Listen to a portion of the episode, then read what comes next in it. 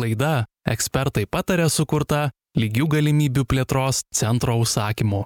Sveiki, mėly žinių radio klausytojai, prie mikrofono Lina Lunieckienė, jūs klausotės laidos ekspertai patarė. Smurtas prieš moteris su negale, apie kurį ilgai buvo tylima.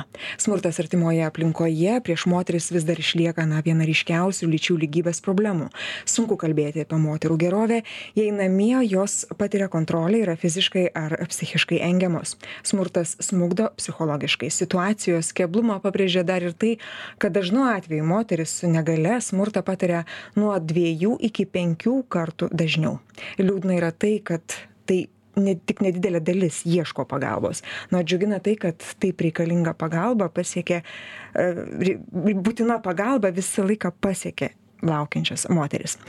Malonu pasakyti laidos pašnekove. Šiandien studijoje vieši Vilana Pilinkaitė Satirovič, lygių galimybių plėtros centro smurto prieš moteris ekspertė. Sveiki. Labadiena.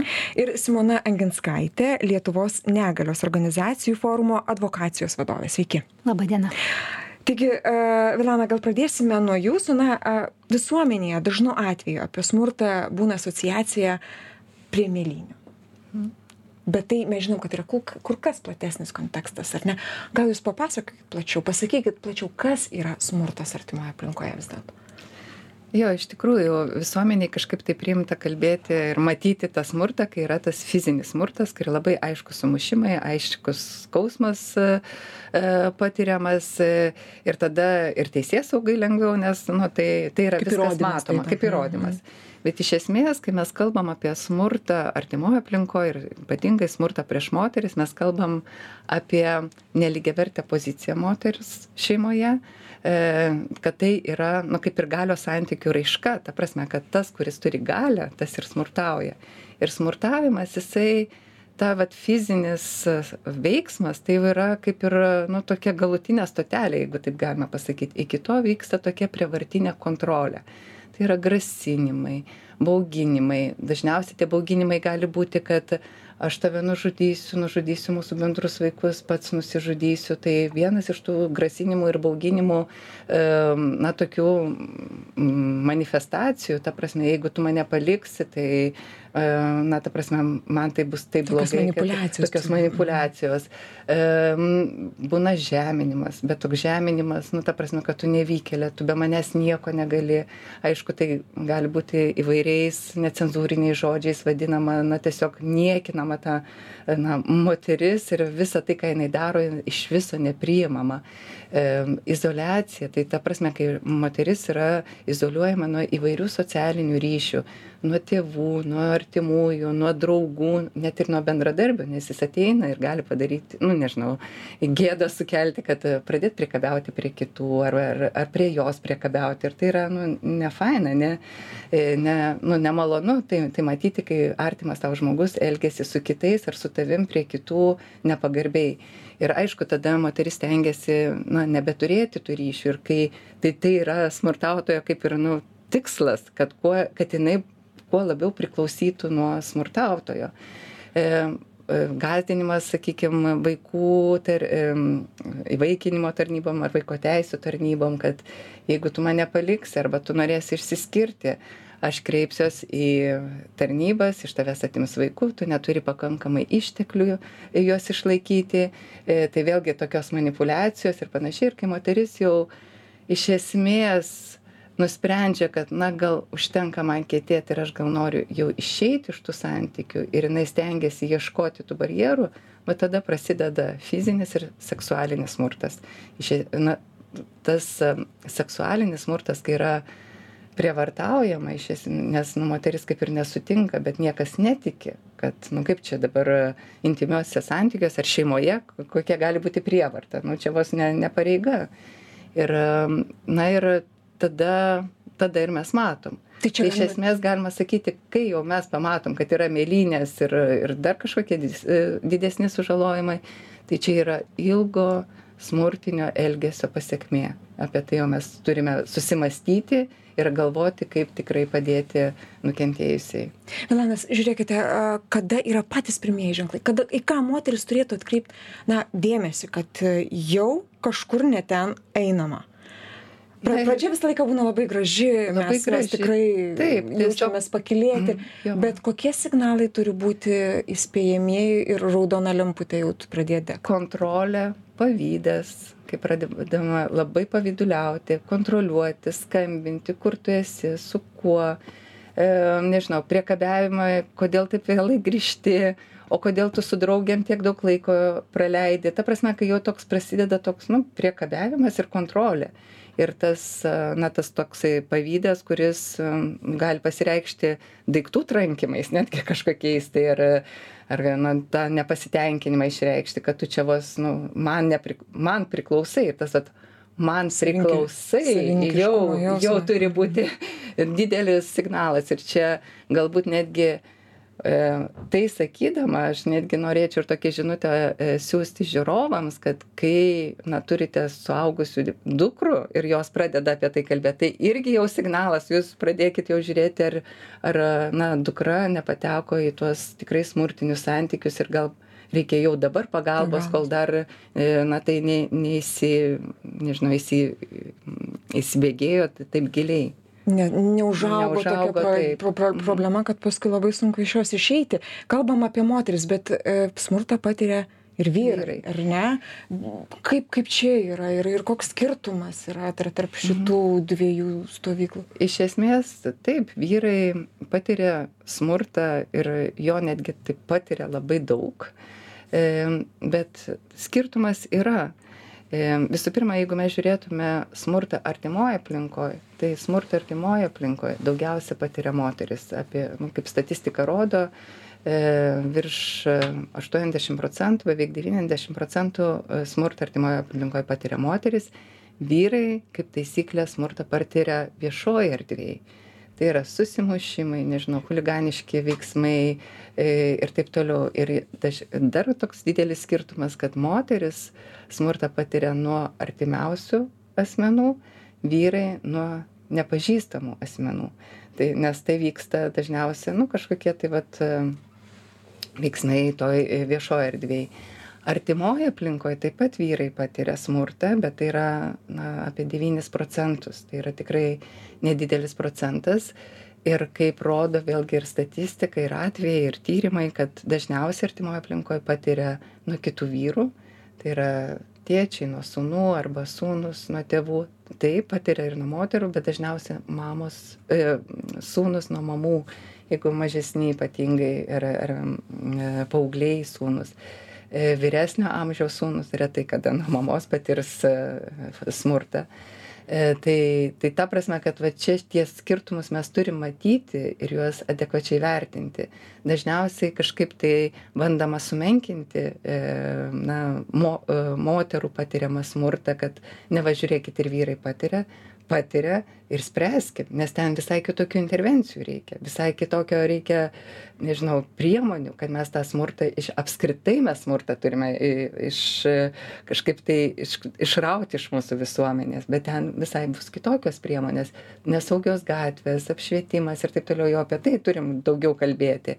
Bet kai yra patiriamas smurtas šeimoje tai jau čia yra na visai kiti mechanizmai suveikia ir vėlgi ta pagalba prieinamumas kaip reaguoja e, teisėsauga ir taip toliau, tai čia jau visai kiti aspektai turi įsijungti. Tai mes turime tai matyti, turime tai suvokti ir atitinkamai tai reaguoti. Nes e, jeigu mes bandysim suvokti taip bendrai smurtą, nu, kad, e, kad toks yra, kad toks yra ir jo, ar ten, kad artimoje aplinkoje tai vyksta, tai na, to nepakanka. Mes turime matyti tas priežastis, kodėl tai vyksta, kur, kur tie galios santykiai čia yra ir atitinkamai reaguoti. Nes, pavyzdžiui, gali būti taip, kad, na, pora e, kaip ir lygiaverčiai ir konfliktas gali įvykti ir jisai gali būti krūvinas konfliktas, ta prasme, kad, nu, jie gali susimušti, bet jeigu nėra to ga, galios disbalanso, o tarp lygių, lygiaverčių partnerių tai vyksta, tai jau mes visai kitaip sprendžiam tą problemą. Taip, tai, nu, gali vykti ten kažkokie tai procesai,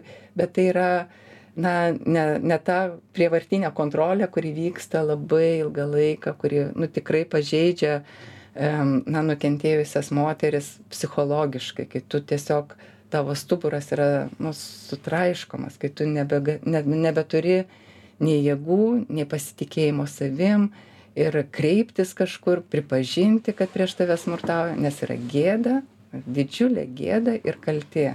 Nes atrodo kad nu nes taip visuomenėj priimta kad nu tu pati kalta kad į tokius santykius įsivėlei nes kaip visuomenės rodo apklausos kad nu taip jinai pati kalta nes jinai žinojo į kokius santykius veliasi e, galėjo išeiti, kodėl jinai šito nepadarė, o kur tu čia išeisi, kai tau, nu, tiesiog tu net ne, nesuvoki, kad galima kažkaip tai spręsti tos problemos. Elena, mes apie priemonės ir išėjimą ir, ir, ir kaip spręsti šitą problemą pakalbėsime šiek tiek vėliau.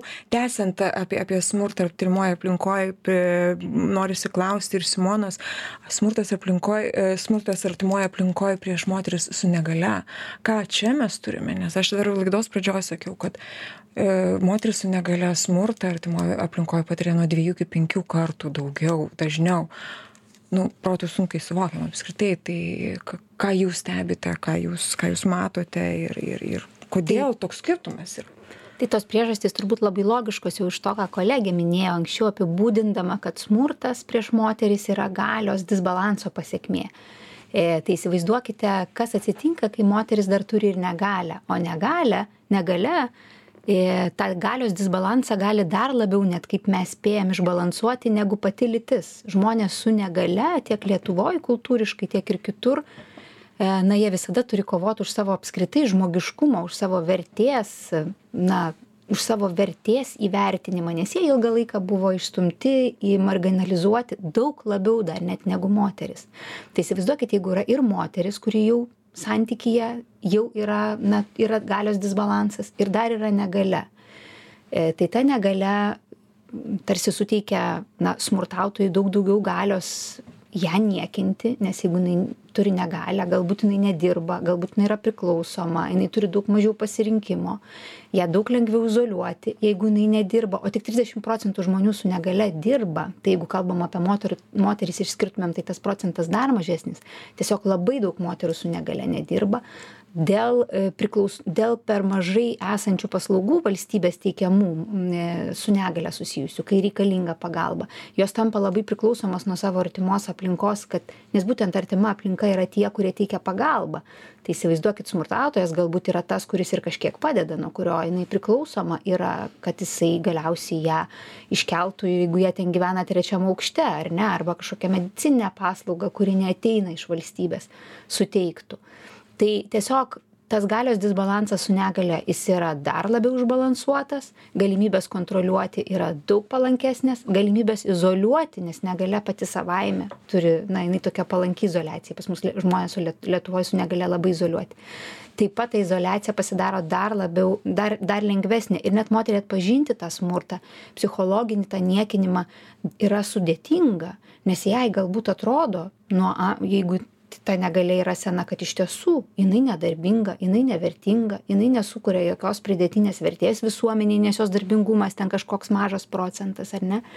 Jinai jau yra persiėmusi to nevertingumo jausmo ir gali galvoti kad galbūt iš tiesų taip ir yra kaip man sako. Tai ir ir galiausiai o net jeigu ir supranta kad kažkas yra negerai ką daryti kaip išeiti iš tų santykių kas jai padės kur jinai gyvens iš ko jinai gyvens kas jai teiks tas paslaugas kurias galbūt smurtautojas na manipuliuodamas ir suteikia bet kartu ir smurtauja ar ne?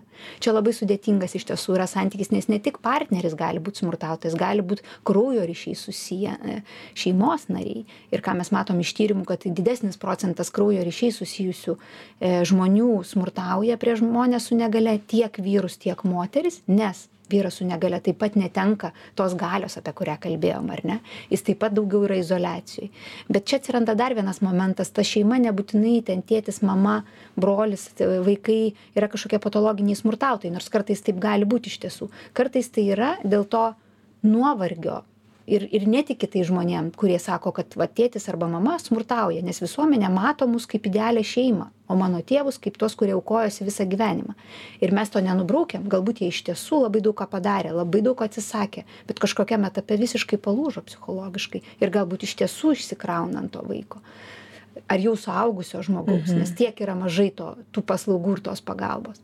Tai tiesiog kai atsiranda negalia yra labai didelė daug didesnė izoliacija daug didesnis psichologinė įtampa šeimoj nuovargis ir tas vertės klausimas žmogaus ar ne kuris deja negalios įvaizdis ir negalios vertinimas lietuvoj labai ydingas ir labai prastas. Ir dėl to neabejotinai daug dažniau patiria smurtą su negalia ir daug sudė žmonės su negalia ir daug sunkiau iš jo išeiti. Mm, tiesiog bet ką daryti? Gerai turim situaciją ar ne? Ką daryti? Turim turim problemą turim tikrai skaičius statistiką kaip kaip kaip sakom bauginančią. Kaip išeiti? Ką daryti? Ką mes visuomenė turėtumėm daryti tai mes turbūt pereisim prie tų mechanizmų kurie yra bendrai egzistuojantys kai moteris patiria smurtą ar ne?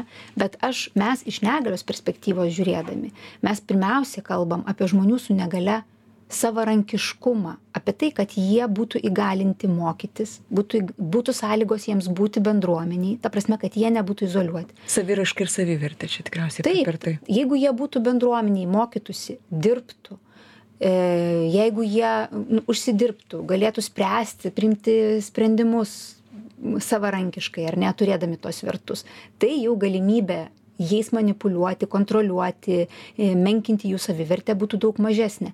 Tai vieni, vienos, vienos yra, yra, aišku, ir tos organizacijos, kurios padeda e, tie kompleksiniai pagalbos centrai bet aš sakau kad negalios mūsų manymu negalios atveju labai daug ką galima būtų padaryt tiesiog su tom priemonėm kurios yra susijusios su žmonių su negalia įgalinimu kad neatsirastų tas smurtas užimtumas. Taip, tiesiog įtraukti tos žmonės, nesipriešinti sprendimams įtraukaus švietimo, galvoti, kad jeigu yra kaimynas šeima su vaiku su negale, galbūt būtų gerai, kad tie tėvai palsėtų, galbūt būtų gerai, kad tas vaikas kažkur išeitų, o ne visada būtų.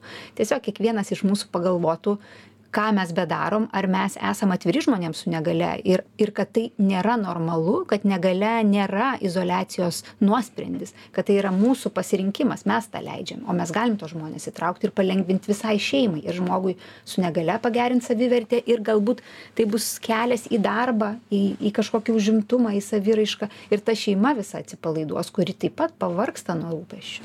Ką daryti vilana ką jūs matot? Užsiminėt apie tam tikras priemones bet kur kreiptis kur kreiptis tam kuris pavyzdžiui e, patiria smurtą ar ne ir kur kreiptis pavyzdžiui kai tu matai kad tavo artimas žmogus patiria smurtą tai kaip ir simona minėjo yra kompleksiniai pagalbos centrai kurie na dirba su su nukentėjusiais nuo smurto artimoj aplinkoj ir tikrai suteikia labai kompleksinę ir įvairią pagalbą. Ar to pakanka? E, na, čia visa bendruomenė greičiausia turi įsitraukti, nes, nes netgi jeigu tu ir kreipiesi tos pagalbos, tai nereiškia, kad paliksi smurtautoje, taip greitai išeisi ir tu, na, kaip ir išgysi iš to santykio. Iš esmės, netgi ir tie kompleksiniai pagalbos centrai kalba, kad uh, na reikia labai daug kantrybės dirbant e, su nukentėjusiais e, asmenim nuo nuo smurto artimoj aplinkoj todėl kad jie keičia nuomonę jie sugrįžta nes nu yra be galo nu kitų mechanizmų kurie suveikia ir spaudimas ir iš artimos šeimos ir panašiai. Tai bet e, labai daug reikėtų dar tokio iš visuomenės ir artimųjų tokio palaikymo ir tikėjimo kad tu gali tai padaryti kad tu privalai kreiptis mes tau padėsim. Nes kai yra palaikymas netgi ieškoti pagalbos yra žymiai paprasčiau.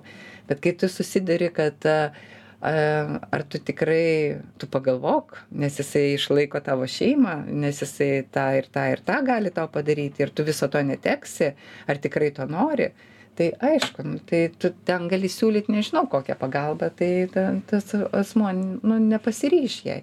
Bet kai sako nu nesvarbu ką jis tau siūlo tu turi išeiti, mes tave palaikysim, paremsim, gali pas mane prisiglaus, ar, nu, ta prasme, įvairių, įvairių pagalbos signalų iš mūsų visų, tai iš tikrųjų netgi tokio palaikymo, kad aš tave suprantu, nori pasikalbėti, ateik, aš išklausysiu. Nemoralizuoti nieko, tiesiog išklausyti žmogui, galbūt reikia garsiai įvardinti tą problemą. Ir užtenka gal tik pasisakyti ir jau palengvėja ir ateina tam tikri sprendimai. Jautiesi tvirtesnis savo. Taip, tai ta, tame, tame apsisprendime, nes tave girdi, nes dažniausiai, kas sako, tų moterų negirdi, ne, nesiklauso, negirdi. O kai išgirsta, tai tada tom ir moterim yra jau žymiai lengviau tada žengti tą paskesnį žingsnį, e, na, tiesiog ieškoti to sprendimo ir jį, jį rasti. Simona, pabaigai jūsų, jūsų vienas sakinys, ką, kaip išeiti, kaip palikti, kaip išeiti iš tos smurto aplinkos na čia turbūt labai kompleksinių reikia sprendimų. Jeigu moterys su negalia nematys kad jos galės gyventi savarankiškai kad joms bus netgi ta infrastruktūra kuri ir dabar yra pasitraukti pavyzdžiui iš tos aplinkos ar ne kad jinai bus nepritaikyta kad komunikacija bus nepritaikyta informacija tai jos žinoma kad bijos ir netikės. Todėl reikia tokių labai kompleksinių sprendimų suprasti kad moterys yra įvairios ir paslaugos turi būti prieinamos įvairioms moterims. Ir tada kai jos matys kokios priemonės yra aš tikiu kad tikės ir su tuo palaikymu, apie kurį kalbėjom, ryšis. Noriu dėkoti Jums už pokalbį žinių radio klausytėms primint, kad šiandien laidoje ekspertai patarė. Svečiavosi Vilana Pilinkaitė Sotirovič, lygių galimybių plėtros centro smurto prieš moteris ekspertė ir Simona Aginskaitė, Lietuvos negalios organizacijos forumo advokacijos vadovė. Dėkui Jums už pokalbį, laidą vedžiau aš Lina Luneckienės ir toliau likite su žinių radio gražių Jums dienų. Laida ekspertai patarė sukurta lygių galimybių plėtros centro užsakymu vykdant projektą, kuris yra aktyvių piliečių fondo finansuojamo EEE e finansinio mechanizmo lėšomis dalis.